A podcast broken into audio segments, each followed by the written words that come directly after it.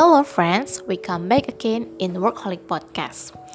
As you know, because I am still a learner and I just want to practice my English speaking skill, so I use this podcast to maybe just want to practice my speaking ability. So, if you find some grammatical errors or maybe if you find some mistakes in my podcast, I'm sorry.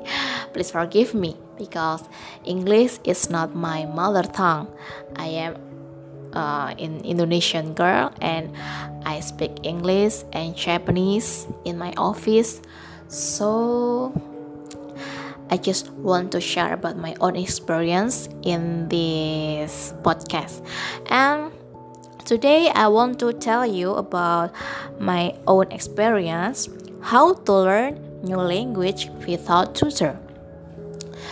Some friends in my social media ask me how I can manage my time between working schedule and then my writing schedule and also my learning schedule in foreign language because as you know now I'm learning three foreign language. First of course english and second japanese and third i'm just starting learn korean but just a little bit.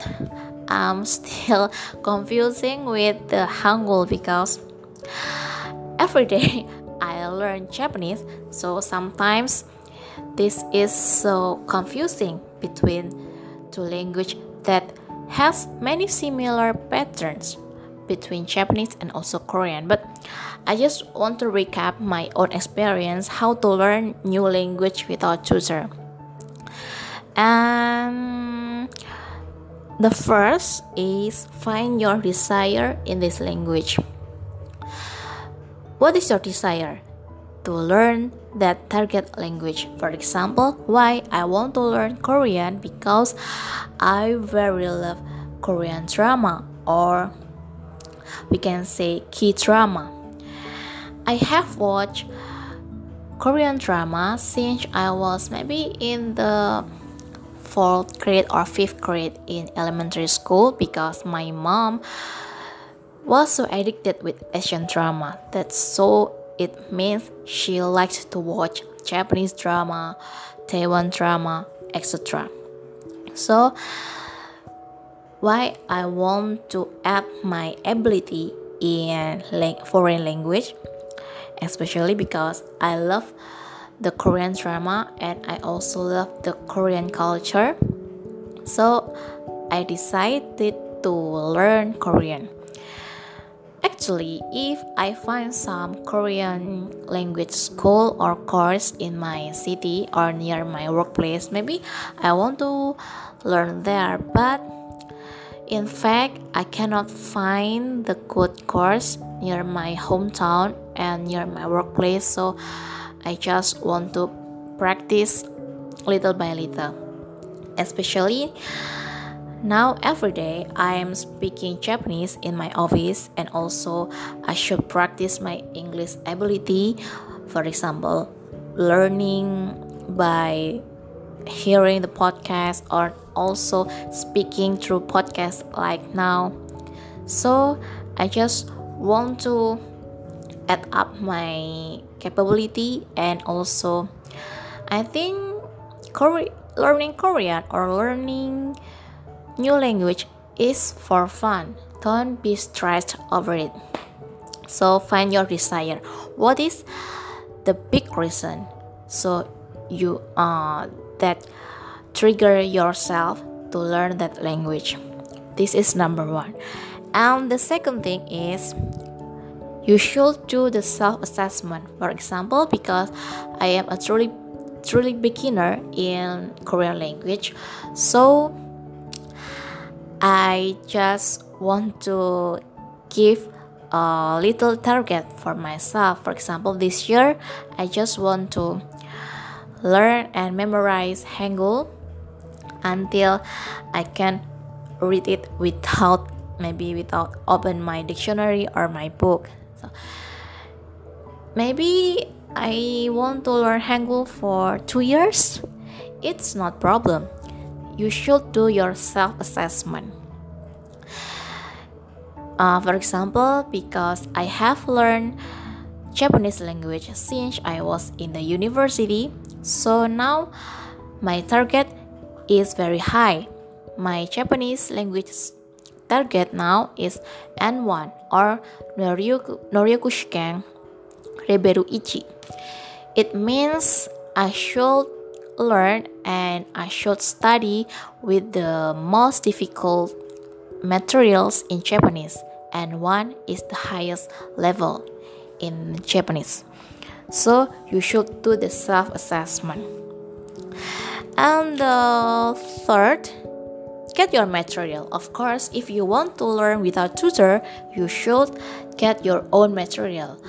Uh, in my case, usually I will look for the material from YouTube. So I download many kinds of videos and then I will look for the ebook because sometimes English lang- English language or Japanese language I can find those materials in the bookstore but in some language like Korean it's rather difficult to find in my hometown. So finding the free resources from internet or maybe from websites it is more easier.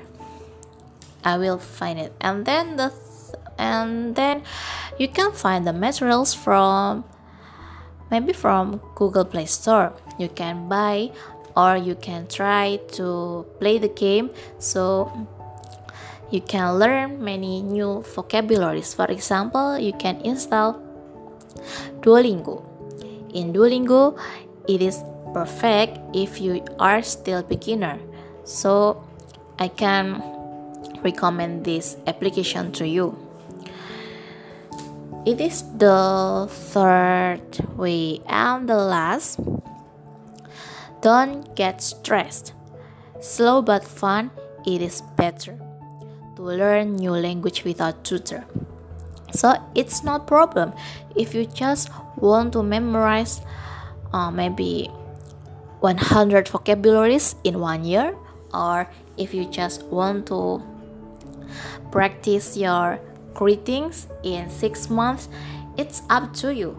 But the most important thing is you should practice every day even you just can memorize one word, it is better than you learn in the first week than you don't study for three months.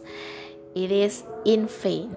It is useless. So you should find your maybe your own schedule and your own habit, your own time, and then find your own pace to learn that language. Just having fun with your own language now. So it is my podcast today. I'm sorry if I repeat some vocabularies or maybe I do many mistakes in my speaking skills. I hope you can enjoy your learning time and be polyglot or be a multilingual. Bye in the next podcast.